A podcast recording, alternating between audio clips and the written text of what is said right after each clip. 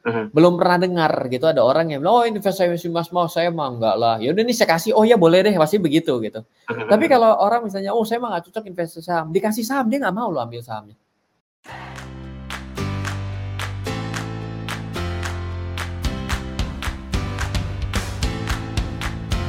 Halo, selamat datang di Ryan Filbert Podcast. Bersama saya Ryan Filbert, praktisi dan inspirator investasi di Indonesia, serta penulis puluhan buku investasi bestseller. Senang sekali saya bisa menyapa Anda rekan-rekan semua. Dalam channel podcast ini, mari kita belajar bersama-sama mengenai investasi, keuangan, dan bisnis. Saya akan berbagi update, strategi, maupun hal-hal dasar terkait semua hal tersebut. Bila Anda ingin bertanya kepada saya, Anda bisa WhatsApp saya di 0895 07 08 0789. Sekali lagi saya ulang. 0895 07 08 0789. Silakan Anda add WhatsApp saya sekarang untuk bertanya maupun berdiskusi bersama saya. Selain podcast ini, Anda juga bisa menemui saya di channel YouTube RF Channel. YouTube RF Channel. Semoga selalu bermanfaat. Dari saya Ryan Filbert, salam investasi untuk Indonesia.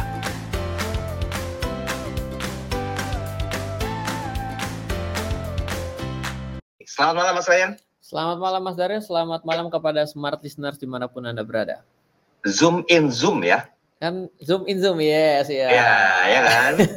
Nah, ini musuhnya flash nih bajunya sekarang nih. Ya ambil yang sedikit agak gelap-gelap sedikit boleh dong sekali iya kita kan harus berada sedikit di sisi dark side dong. Eh, jangan hanya bright side-nya aja. Karena orang Indonesia kan kebanyakan lebih melihat ke dark side kan ketimbang uh, bright side-nya kan. Uh, saya dark Vader aja kalau gitu. Dark side juga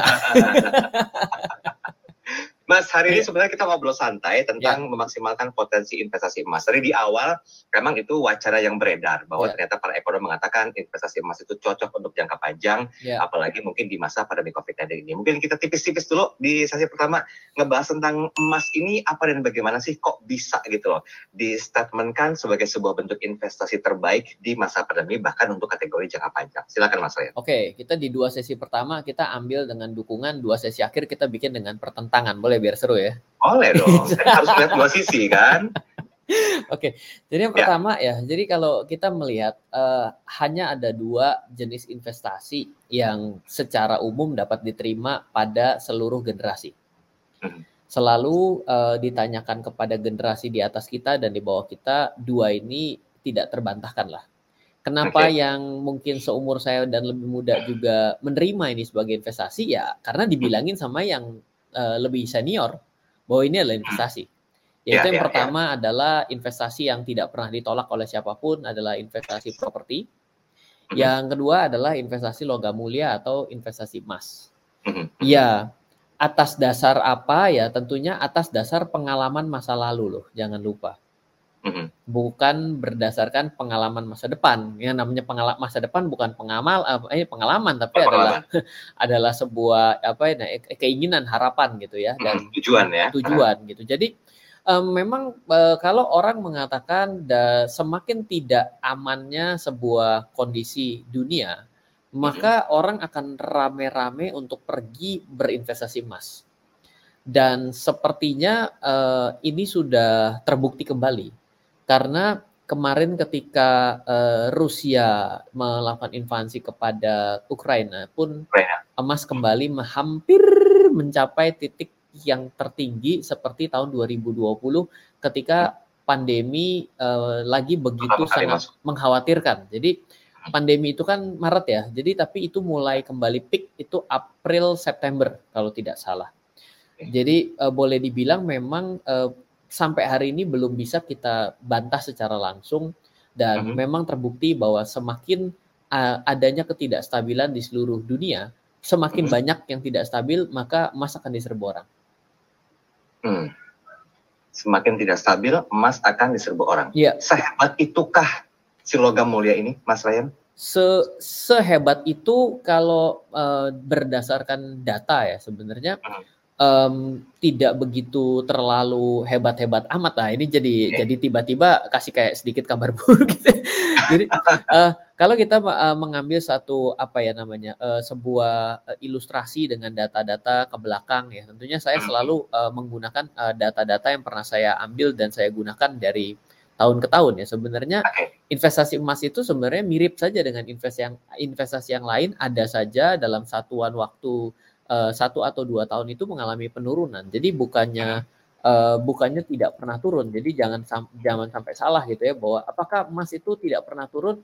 Di, uh, uh, pernah turun, namun dalam jangka panjang akan cenderung mengalami kenaikan. Nah, statement itu kok jadi mirip ya dengan yang namanya investasi saham? Nah, ya benar juga. Ya, ya, ya. Apakah investasi saham selalu untung? Enggak juga. Nah, lalu kok pertanyaan di bawah ini kepada ke properti juga. Apakah kalau yang namanya ke properti juga tidak pernah rugi? Iya. Coba aja ditanya nah. kepada yang kemarin-kemarin di tahun 2020 mau jual properti apa kabarnya gitu kira-kira. Hmm. Oke, okay, baik. Kita break dulu ya Mas Rian. Ya. Okay. Ditahan dulu nih, jangan sampai kekenyangan, nanti nggak bisa berhenti. Oke. Okay. Terima kasih seperti itu Anda masih bersama kami dalam program Smart Market Insight, tentunya bersama dengan Mas Rian Filbert, Zoom in Zoom ya, yang hari ini bicara masalah memaksimalkan potensi investasi Mas. Ini ini uh, bercandaan kita aja. Jadi Siap. dress code Mas Rian itu sekarang uh, lambangnya Zoom. Nah, Zoomnya itu adalah musuh dari The Flash. Kalau di Avengers ya Mas Rian ya. Siap. Siap. Oh, ini dong, DC eh, apa dong. namanya? DC di Flash. Uh, iya, Flash kan Flash. Iya kan lebih paham uh, Mas Ryan ketimbang saya. Oh, lebih mudah maksudnya. Nguji pengetahuan nih. Oh siap. Gimana kalau okay. gitu ngaji yang lain? Iya. Mas kita balik bahas masalah memaksimalkan potensi investasi emas. Kan tadi yeah. di sesi pertama Mas Ryan sudah jabarkan gitu tentang apa dan bagaimana tentang si logam mulia ini. Tapi ternyata hal itu juga membuat uh, beberapa pertimbangan yang membuat orang tuh, aduh kok kayaknya investasi terlalu jangka panjang ya kalau emas ya. Ada nggak sih Mas Ryan secara umumnya dulu di sesi uh, kedua ini kita bicara masalah investasi-investasi apa lagi yang mungkin bisa menjadi pilihan di masa pandemi COVID-19 selain Mas, sedikit kita beralih ke sisi lain dari uh, instrumen investasi lainnya, Mas. Kalau kita mengambil konsep dasar bahwa uh, invest in a bad time, artinya kan uh, dalam kondisi yang buruk gitu ya. Ya melihat dari pergerakan harga emas yang sudah terlanjur tinggi kemarin sebenarnya dalam posisi 2020 ke 2022 ya Emas itu sempat mencapai harga yang cukup murah pada beberapa waktu yang lalu ya, 1.600 sekian apa 1.000 saya lupa dengan angka tepatnya ya, tapi pada saat itu saya uh, ikut ambil kembali posisi dan melepas di level uh, di level kemarin ketika uh, terjadi kenaikan yang signifikan baru-baru ini. Sebenarnya uh, dalam waktu dua tahun terakhir ini sudah begitu banyak dinamika dalam dunia investasi jadi kalau hmm. misalnya dibilang, loh Mas Ryan agak kurang konsisten ya. Tadi bicara bahwa investasi emas itu harus jangka panjang sekali. Hmm. Betul, bagi kita yang menutup mata investasinya itu adalah menghimpun jumlah. Jadi kita harus okay. beda ya. Ketika kita hmm. punya uang yang uh, sedikit, satu-satunya cara agar investasi itu terasa adalah jumlah jumlah investasinya diperbanyak. Misal saya hmm. hanya mampu membeli setengah gram. Ya, ya. Nah, bagi kalau kita punya setengah gram, harga berapapun di 10 tahun kemudian itu nggak ada hmm. artinya. Hmm. Mau naik 10 kali lipat pun nggak akan ada artinya. Karena hmm. apa? Karena setengah gram saat ini naik 10 kali lipat hanya setara 5 gram. Ya, ya. Nggak akan mem, nggak akan membuat kita tuh sangat bahagia, tapi lumayan daripada nggak punya. Nah, hmm. Jadi yang uh, kita harus berada di angle mana nih? Di angle bahwa kita yang penting bisa punya konsistensi sehingga menghimpun jumlah investasinya menjadi besar dan cukup cukup worth it, cukup terasa. Atau hmm. kita mau fokus kepada jumlahnya sudah banyak sehingga hmm. dengan jumlahnya sangat sangat sudah cukup banyak, sedikit kenaikan pun itu sudah cukup terasa. Oke. Okay, okay. Saya bilang, saya cuma saya cukup naik 10% tapi punyanya 20 kilo misalnya. Oh, 10% 20 kilo pasti akan signifikan terasa buat kita. Sama seperti orang bilang gini, ya satu miliar itu besar atau kecil, tergantung. Satu miliar bagi kita mungkin sudah segala-galanya. Tapi kalau bagi Elon Musk, Jeff Bezos, Mark Zuckerberg, Bill Gates, Warren Buffett, itu kayaknya uang juga uh, sama sama uang yang ada di dompet dia mungkin itu nggak ada nggak ada ya. artinya gitu. Jadi kita harus duduk itu jangan bicara untung besar, untuk kecil, tapi kita mesti melihat dari kapasitas kita. Ya seperti itu kira-kira. Oke, okay, baik. Jadi kalau misalnya kita uh, uh, apa bahas lebih mengkerucut lagi nih Mas Ryan. Kalau tema kita kan memaksimalkan potensi investasi emas. Hmm. Siapa kira-kira yang mungkin sering kali dalam tanda petik ya bermain di ranah investasi jangka panjang ini? Cocokkah mungkin para millennials atau justru para generasi generasi-generasi sebelumnya yang notabene mereka tuh lebih nyaman dengan investasi jangka panjang? Nah, uh, Gen Z, Gen Z apakah mungkin available juga dan merasa nyaman nggak dengan investasi jangka panjang? Uh, ini ini dia. Sebenarnya investasi itu ya uh, kesalahan orang yang saya yang saya lihat dan saya alami adalah orang itu berpikir bahwa oh kalau saya usia sekian saya nggak cocok investasi ini oh saya kalau usia sekian saya nggak cocok investasi ini mhm. contoh sederhana yang namanya emas ketika uh, saya udah bilang ini bahwa tidak ada yang pernah menolak yang namanya emas Uh-huh. Belum pernah dengar gitu ada orang yang oh investasi emas mau saya mah enggak lah. Ya udah nih saya kasih, oh ya boleh deh pasti begitu gitu. Uh-huh. Tapi kalau orang misalnya, oh saya mah nggak cocok investasi saham, dikasih saham dia nggak mau lo ambil sahamnya. Nah, jadi kalau emas itu beda, dia bisa bilang nggak mau, tapi kalau saya kasih ini kamu mau nggak? Iya, saya terima kasih ya. Dia bawa, gitu. Yeah, tapi yeah. kalau dikasih emas, eh, kalau dikasih saham belum tentu, dikasih kripto belum tentu juga diambil. Mm-hmm. Jadi boleh dibilang ini semua lapisan nggak ada yang menolak. Nah, kembali lagi, kalau bicara jangka panjang, itu sebenarnya eh, tujuannya jadi berbeda dengan usia yang berbeda. Contoh, buat yang sudah lebih mapan yang sudah lebih mapan membeli emas tujuannya adalah meniadakan risiko. Kenapa? Karena kita tahu bahwa semakin ketidakstabilan terjadi, emas itu menjadi sangat tinggi. Berbalik dengan yang lain. Ya, ya. Contoh sederhana, itu eh, pasar modal Rusia itu sudah turun ketika dibuka sudah turun 60-70 persen. Hmm. Emas sudah ada di mana tahu harganya. Saat hmm. ini pun masih di 1930 sampai something. Saya tahu saat hari ini. Nah, ya. Tapi eh, bagi orang-orang yang dalam keadaan memiliki nilai ekonomi tertentu, dia menganggap ini sebagai alat lindung nilai. Nah, tapi ya? iya, tapi bagi orang-orang yang mungkin masih muda, ya seperti saya, ya saya kan muda lah ya, 36 tahun. Kita orang, berdua muda kok. Oh iya, kadang-kadang uh, memudahkan diri, kadang-kadang menuakan diri sesuai dengan kebutuhan saja. Ya. Enggak, pokoknya tergantung kameranya juga maksudnya kalau kameranya bagus Siap. gitu, kita terlihat muda. Oh, kalau sekarang uh, jelek apa bagus? Ini terlihat muda, terlihat ya. Berarti kamera ya. Oke, siap. Kamera ya. Begini, sebenarnya emas itu bisa digunakan sebagai alat investasi yang cenderung pasti loh. Oke. Okay. Loh, kok bisa gitu Ryan gini? Misal ya, kita masih muda, kita mungkin usia 20 gitu ya, atau 25 tahun lah gitu ya, kita baru mulai kerja. Kita bilang, eh saya suka sekali dengan properti saat ini. Ada dua jalan mengejar properti, yaitu adalah propertinya dimiliki hari ini, silahkan dicicil. Oke. Okay. okay. Cara kedua adalah propertinya jangan dimiliki hari ini, tapi dihitung. Hmm. Kalau kita hitung misalnya, saya lihat satu properti harganya 300 juta. Aduh, saya saya nggak mampu. Itu kan sudah dihitung ya. Coba kita kejar 300 juta oh saya mau akan mulai nabung semangat 300 juta. Yang terjadi setelah uangnya terkumpul 300 juta, propertinya harganya ada di mana?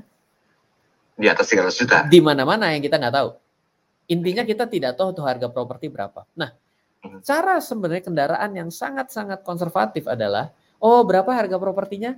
300 juta. Oke, hmm. berapa harga uh, harga emas pada saat ini? Satu, satu gramnya satu juta. Oh, 300 juta dibagi satu juta adalah 300 gram. Mhm. Jadi yang dilakukan adalah ya sudah deh, saya mau mengejar ini lima tahun. Oke, berarti saya punya waktu 60 bulan. Berarti 300 mhm. gram dibagi 60 adalah 5 gram. Ya mhm. sudah, kumpulkanlah 5 gram per bulan. Ini cenderung lebih pasti daripada Anda megangin uang. Loh, kok bisa begitu? Oh, karena prinsip dasarnya semakin tidak pasti harga emasnya akan naik stabil, harga emas nggak ke mana-mana. Toh ketidakpastian perekonomian itu akan menyebabkan uh, instrumen investasi juga menjadi tidak pasti. Tapi tidak selalu tidak seperti itu ketika kita berbicara dengan emas. Oke. Okay. Jadi bisa kita ganti dengan cara untuk perencanaan barang yang kita mau ambil dalam jangka waktu tertentu daripada tidak ada suatu nilai kepastian, menyimpan uang dan hmm. tidak cocok membeli saham. Misal ada orang yang tidak suka karena beli saham turun, beli saham turun, beli saham turun, kesel ya kan? Ya sudah, kembali back to basic secara konvensional. Nah, dari sini terlihat yang digunakan adalah sama-sama emas. Bagi orang kaya menjadi alat pelindung nilai. Saya sudah punya uang 100 juta, 100 juta lagi saya belikan emas. Jadi dia punya 200 juta. 100 hmm. juta dipegang, 100 juta dijadikan emas. Once yes. bumi gonjang ganjing, nilai rupiahnya turun, emasnya naik. Berarti kan hmm. meniadakan risiko. Ya, nah, ya. tapi di satu sisi bagi orang yang lebih muda karena dia tidak memiliki nilai uang 100 juta sekali sekaligus, yang dia lakukan adalah dengan menghimpun emasnya untuk ditukar dengan barang yang dia inginkan di masa yang akan datang karena dia tidak cocok dengan instrumen investasi yang lain. Mm -hmm. Seperti itu. Ya, ya. Oke, okay. saya ada satu pertanyaan uh, yang masuk ini dari sekian banyak pertanyaan yang masuk dari Pak Lutfi. Pak Lutfi, Pak Lutfi bilang begini, uh, Mas Daryl mohon maaf sebelumnya dan juga Mas Ryan, ini emas dalam kategori apa? Perhiasankah atau logam mulia yang ada di Antam? Oh, okay. ini pertanyaannya menarik sekali. Betul, kalau kita itu mau asal investasi emas, ya mm -hmm. emas apa pun bisa diinvestasikan. Misal okay. investasi perhiasan, uh, bisa juga investasi uh, logam mulia. Nah, kalau menurut saya pribadi, apakah salah orang investasi perhiasan? Ya tidak, tapi dia tidak menginvestasikan uangnya pada emas murni, sehingga mungkin akan lebih banyak lebih kepada konsumtif sebenarnya, yaitu sambil diinvest sembari dipakai. Itu kan berarti yeah, separuh yeah. dikonsumsi ya. Nah, ketika dikonsumsi itu kan mungkin uh, kadarnya bukan kadar murni emas 24 itu kan berarti kan kadar 75 ya kan untuk nikat berlian gitu ya. Ataupun juga uh, di uh, dalam kondisi seperti itu terkena ongkos. Karena kan di model-modelin berarti kan ongkosnya ada biaya untuk memodelkan emas itu kan. Ya variasi. jadi itu namanya adalah emas konsumsi. Jadi kalau kita mau ah. investasi emas investasi emas logam mulia itu ya dengan cara membeli yang batangan mungkin membeli koin uh, dinar dirham itu bisa. Ya, ya, ya. ya Jadi ini ini uh, dalam ya? konteksnya adalah emas yang investasi batangan atau logam mulia ya. Logam mulia. Nah, juga ya. hati-hati ya. dalam hari ini karena emas itu dicetak, dimurnikannya sulit. Harga hmm. biaya mencetaknya itu jadi mahal kalau terlalu kecil. Makanya oh. sekarang banyak yang me mencoba untuk mengidekan dan mengkonsepkan dan sudah ada yaitu adalah dengan bentuk buku tabungan emas. Oh ya. Nah, dengan buku tabungan emas kita itu tidak lagi mencetak emasnya sebelum satuan tertentu tercukupi. Mm-hmm. Karena mm-hmm. misalnya saya masih cetak, eh, saya masih membuat sebuah cetakan ternyata nilai cetaknya adalah sekian ratus ribu. Ya udah mm-hmm. deh, saya kumpulkan dulu deh jadi 10 gram baru saya cetak. Saya kumpulkan deh jadi 50 gram baru saya cetak. Loh, kenapa tidak saya kumpulkan dalam bentuk uang? Betul, karena ketika pas kita udah kumpulkan senilai 50 gram hari ini dan ternyata dua tahun lagi 50 gram ini tidak dengan harga hari ini kan kita jadi dirugikan. Ya. Meskipun bisa saja turun loh, karena ya. dari data yang saya miliki dari 2006 sampai dengan 2020 emas uh -huh. itu pernah lebih rendah daripada nilai yang kita beli itu di 2013, 2015, 2016. Jadi tidak selalu loh investasi emas itu selalu naik. Itu adalah penilaian yang keliru. Jadi kalau saya satu tahun emas selalu naik itu nggak ada cerita investasi pasti naik itu belum pernah ada cerita di dunia ini. Ya, baik. Mas, kita tahan sebentar ya penjelasannya, nanti kita ya. coba sambung. Tapi jangan masuk ke dark side-nya dulu ya. Dark side? Iya, orang udah mau langsung kita gas loh ini. jangan dulu, kasihan jangan. Sangat gak fair ya Mas Royan ya, kalau kita hanya mengeluh-elukan sisi baik dari sebuah investasi. Kita juga harus menjadikan sisi negatifnya sebagai sebuah pertimbangan juga. Karena kan resiko nggak bisa dihilangin, tapi bisa dimitigasi. Nah, semoga penjabaran tentang sisi yang kurang baiknya atau sisi negatifnya ini menjadi sebuah pembelajaran. Itu aja ya yang harus dipahami. Ya. Nah, sebelum menuju ke sisi yang kurang menyenangkan, Mas Ryan, saya mau ke WhatsApp dulu nih. Ya. Ada Pak Rus uh, Ruli di Baru. Jakarta. uh, selamat malam Mas Ryan. Kalau berbicara masalah investasi emas, uh, saya masih ingat sampai dengan saat ini uh, nenek dan ibu mertua saya itu setiap kali pergi ke sebuah negara seperti ke Arab Saudi ketika mereka pergi haji itu beli emas dalam jumlah yang sangat besar. Mm-hmm. Uh, mereka hanya mengatakan ini untuk diinvest. Kalau yeah. ada apa-apa silakan jual. Yeah. Nah, yang saya ingin tanyakan, kualitas emas yang ada di Indonesia dan juga di mancanegara, apakah secara kadar berbeda, Mas? Dan bagaimana ini bisa menjadi sebuah bentuk investasi? Padahal tadi Mas saya menjelaskan uh, sifatnya bisa konsum, uh, konsumtif karena digunakan juga. Otomatis ada penurunan-penurunan yang menjadi sebuah pertimbangan. Oke, silakan Mas saya. Wah, ini langsung seperti harus uh, duduk sebagai penjual emas gitu ya. Nah, ya baik. Jadi uh, apa pun di dunia ini ada yang namanya standar ya, standarisasi ya, standarisasi dan akreditasi. Jadi kalau kita berbicara mengenai standar emas itu di dunia itu ada namanya LBMA ya. Jadi memang bagian dari uh, standar untuk seperti apa uh, yang disebut emas dengan kadar yang uh, tertentu. Jadi kalau misalnya kita mau yang paling terstandarisasi, sebenarnya perhiasan itu tidak ada uh, tidak ada standarisasi secara langsung kecuali seperti emas uh, lantak ya, emas ya. logam mulia. Itu pasti ada namanya sertifikasi sertifikatnya. Nah itu juga ada LBMA-nya dan itu artinya sudah tersertifikasi uh, secara standar. Sama seperti kalau kita itu bicara seperti diamond Diamond itu ada uh, sertifikasi sta sertifikat standarnya yang disebut dengan GIA. Nah, jadi hmm. kalau misalnya sudah cuttingnya dengan standar GIA, otomatis orang jadi yakin akan kualitasnya mau dibeli di mana pun. Okay. Nah, jadi kalau misalnya Anda membelinya di mana pun tapi belinya perhiasan, nah itu udah okay. susah. Sehingga uh, itu akan tidak terstandar. Makanya ya, kalau ya. jangankan antar negara, antar antar toko saja, kalau kita uh, emas perhiasan, itu bisa beda toko, bisa beda harga, dan bisa beda harga yang mau diterima untuk dijual kembali loh. Dan ada saja kejadian satu toko hanya terima jual, tidak terima beli. Oh. Kenapa? Karena ada standarnya yang tidak sama, yang akhirnya orang punya anggapan gini, ya kalau di toko yang itu tuh jangan deh, jangan diterima, itu kadarnya jelek tuh, dia mainin, dia curangin, misal, misal loh ya, tapi tidak artinya saya menyudutkan, tapi that, that sometimes bisnis ada yang kayak begitu. Tapi hmm. kalau sudah standar, sudah akreditasi, itu sudah standarnya sudah standar nasional dan standar internasional, nggak bisa diapa-apain. Oke. Okay. Iya. Baik, baik. Kita masuk sisi gelapnya. Bukan gelap. Jadi begini, kalau kita perhatikan uh, tidak salah, memang yang namanya emas itu menguntungkan lah dalam jangka panjang. Kenapa? Uh, saya mau ambil data dulu ya. Uh, saya punya data dari ta kalau investasi lima tahunan dengan hmm. uang satu juta satu bulan. Let's say emas itu bisa dibelinya pecahan-pecahan lah ya. Okay. Uh, dari uh, selama lima tahunan itu uh, dari tahun 2006 sampai dengan 2020 data yang saya miliki investasi emas hmm. itu kan satu juta satu bulan untuk lima tahun berarti kan 60 juta ya. Hmm. Itu emas itu bisa uh, di akhir periode di tahun kelima di bulan ke-60 itu kita jual ternyata uh, rentang rentangnya itu tidak selalu untung. Misal tahun 2011 ke 2015 60 juta dijual di periode akhir cuma jadi 45 juta. Hmm. Berarti di bagian ini teori bahwa emas selalu untung jangka panjang pun masih kurang panjang kali kalau lima tahun. Mungkin jadi gitu ya. Ya, ya Tapi ya. dari ada yang kejadian 2006 ke 2010 ketika kita mulainya dengan satu juta sebulan, sebulan hmm. uh, dan 60 bulan itu kita 60 juta, kita jadi 104 juta. Nah, berarti okay. ada kejadian nah, upside dan downside-nya kelihatan sekali. Nah, hmm. tapi kalau kita perhatikan yang namanya grafik itu kan bisa kita perbandingkan ya dengan grafik-grafik harga yang lain.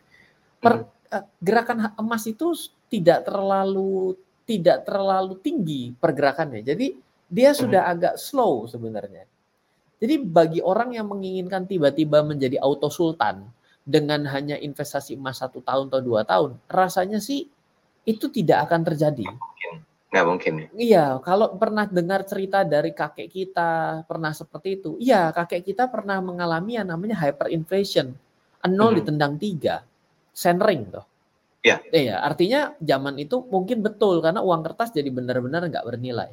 Betul. Tapi cerita jadul nggak bisa dibawa serta merta jadi cerita kenyataan yang sama hari ini di zaman sekarang. Jadi ya. berita buruknya adalah buat anda yang menggunakan strategi membeli emas secara konvensional mm-hmm. itu kemungkinan besar tidak akan mendapatkan hasil investasi yang meledak-ledak. Misalnya saya bisa lipat tiga gitu ya, uh modal sejuta lima tahun 10 tahun diinvest jadi uh, eh, 120 kali kan berarti 120 juta jadi 400 juta Kayaknya sih kalau Anda lakukan secara konvensional nggak bisa. Karena apa? Karena itu tidak terjadi dalam 20 tahun terakhir. Saya kan hmm. orang yang melihat sesuatu yang yang dalam jangka waktu yang lalu kita lihat tidak kejadian, di hmm. kemudian hari selalu bisa kejadian. Tapi yes. kan kalau kita terlalu mengharap kayak gitu kan jadi lucu ya. Contoh deh, sekarang apakah ada orang yang menduga tahun 2020 akan terjadi pandemi?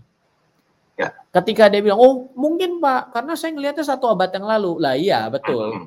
Tapi kan satu abad yang lalu, Anda pasti lihat untuk tren 20 tahun terakhir toh. Ya. 20 tahun terakhir mana Anda akan kebaca yang namanya pandemi corona covid. Anda mungkin kebacanya flu babi. Iya dong. Eh, jadi kan artinya nggak nggak akan terjadi sesuatu yang begitu heboh sampai seperti saat ini yang membuat kita benar-benar nggak bisa ke mana-mana.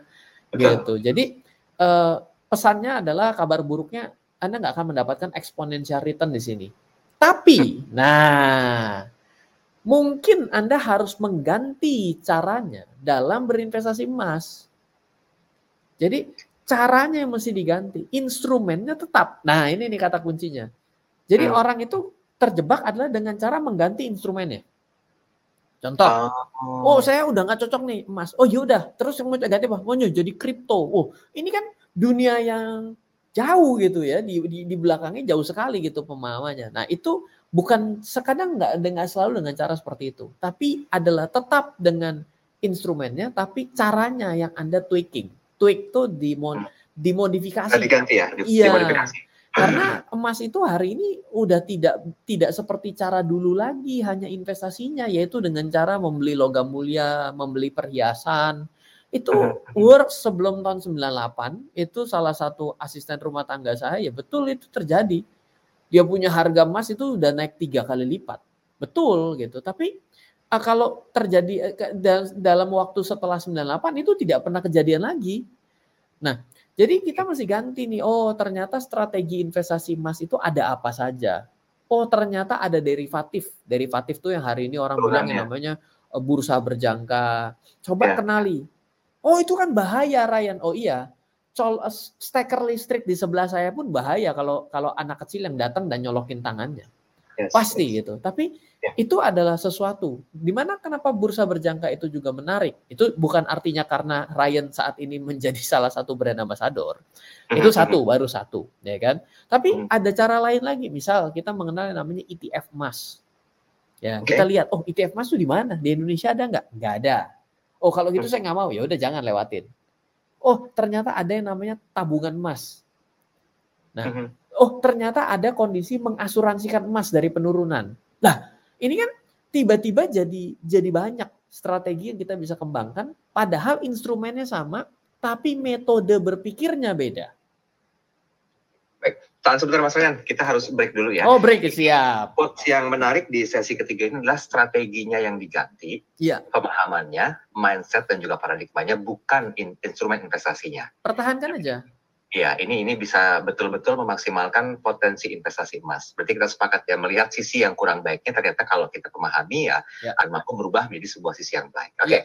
uh, karena tadi sudah saya teasing ada hal yang perlu dibahas dari kanal YouTube Smart FM dan Anda juga masih bisa berinteraksi kok di kanal YouTube kami uh, sampai dengan jam uh, 7 malam hari ini ya.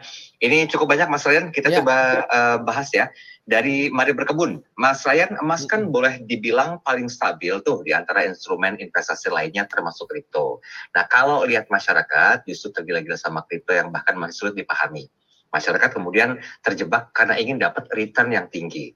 Jadi apakah ini dipengaruhi psikologis masyarakat Indonesia ya Mas Ryan ya? Gimana?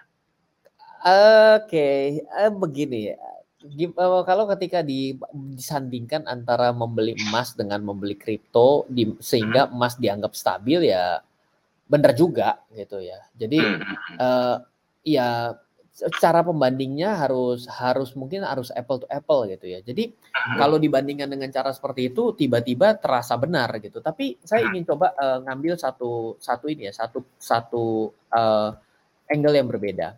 Ya. Jadi kalau saya memiliki data itu cukup banyak ya. Dia itu di uh, uh, 2006 sampai 2020 bila kita investasi secara uh, satu tahun saja, uh-huh. uh, ternyata um, yang memiliki resiko terendah itu adalah menabung.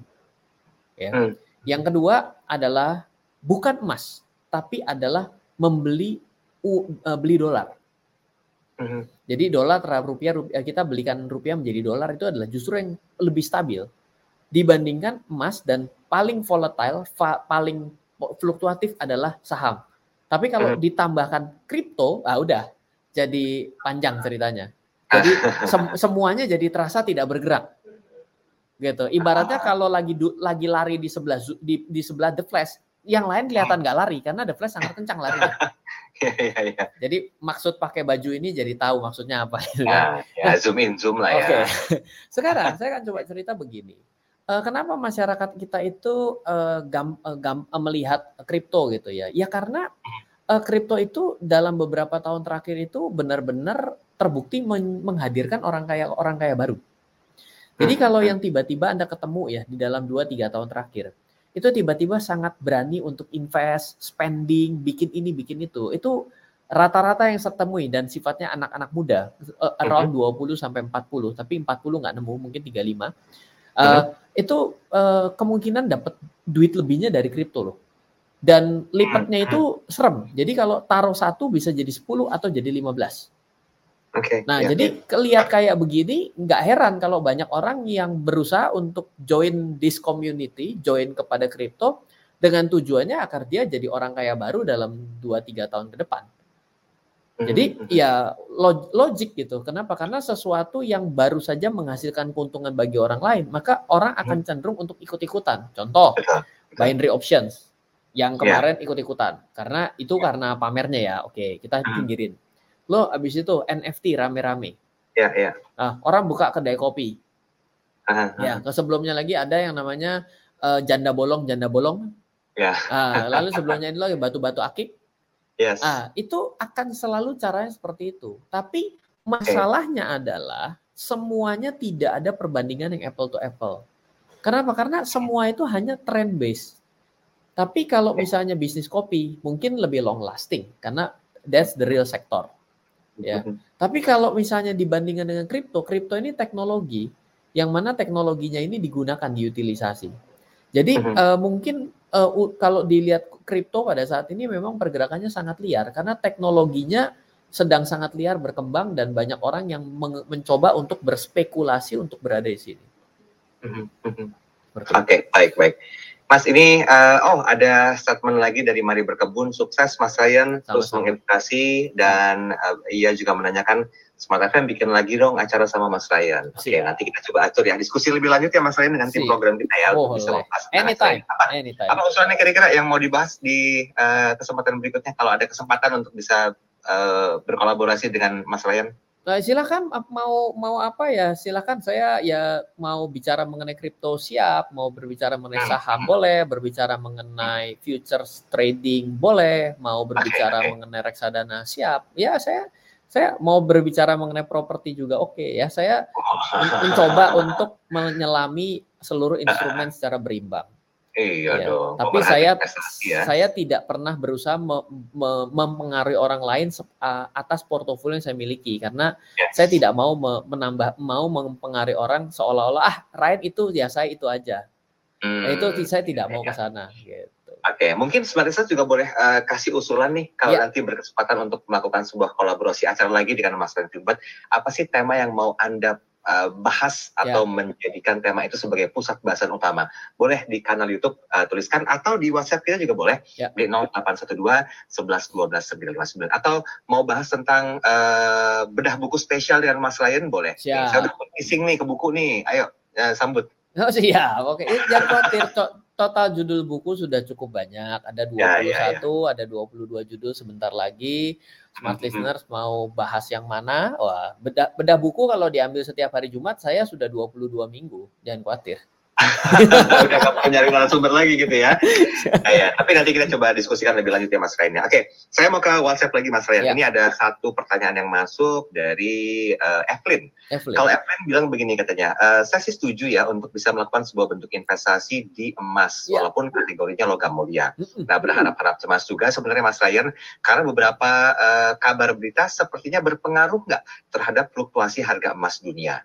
Iya. Karena yang menarik dari emas ini adalah ketika terjadi sebuah momentum berita seperti perang dan hmm. dan yang lain-lainnya, kok emas ini semakin naik ya menjadi yeah. sebuah bentuk investasi yang sangat menggiurkan.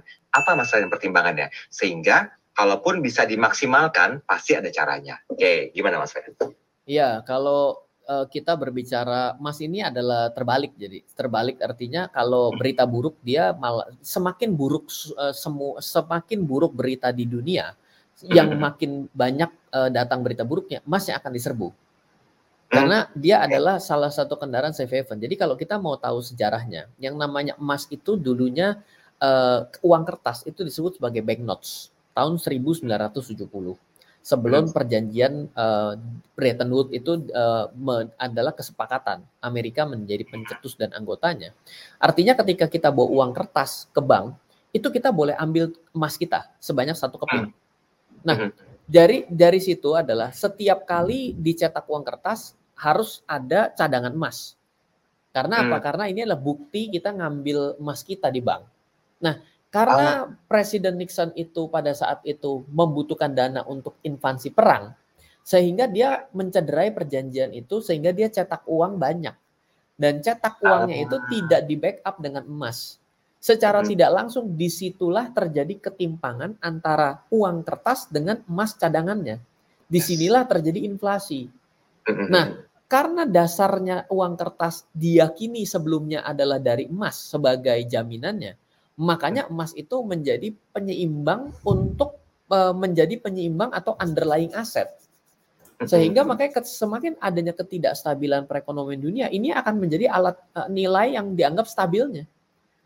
Gitu loh. Tapi kan akan berlaku hukum permintaan dan penawaran sendiri nih atas barang ini.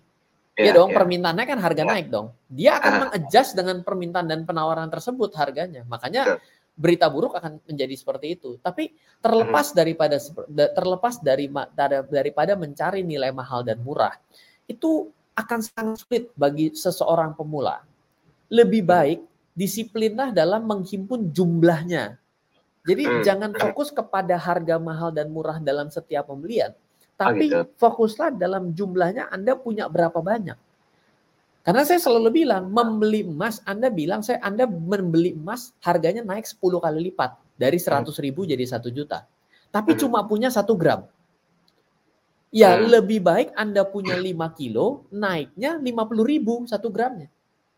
Kenapa? Hmm. Karena akan sangat sangat signifikan Anda rasakan di kantong, bukan berbicara jumlah jumlah gram yang kecil tapi nominalnya jadi besar returnnya. Tapi yang penting adalah Anda bisa mengambil nilai uh, jumlah Anda yang banyak walaupun hmm. kenaikannya sedikit itu yang penting seperti itu. Oke, okay, baik. Good quotes ya untuk hari ini. Tapi ya. kita ha, hampir sampai di penghujung Mas Rian. Tinggal tersisa dua menit kita maksimalkan dengan sebuah konklusi karena tadi kita sepakat ya uh, tidak mendiskreditkan ya. uh, kekurangan dari investasi ini karena sejatinya tema kita adalah memaksimalkan investasi emas. So apa yang harus menjadi perhatian ketika yeah. smart business juga bisa tergoda untuk melakukan investasi emas mengingat kabar buruk apa pun di dunia ini akan memicu dari uh, kenaikan harga emas. Konklusi kita apa? Ya, pertama investasi emas adalah investasi salah satu dari dua investasi yang boleh dibilang diterima di seluruh usia dan generasi.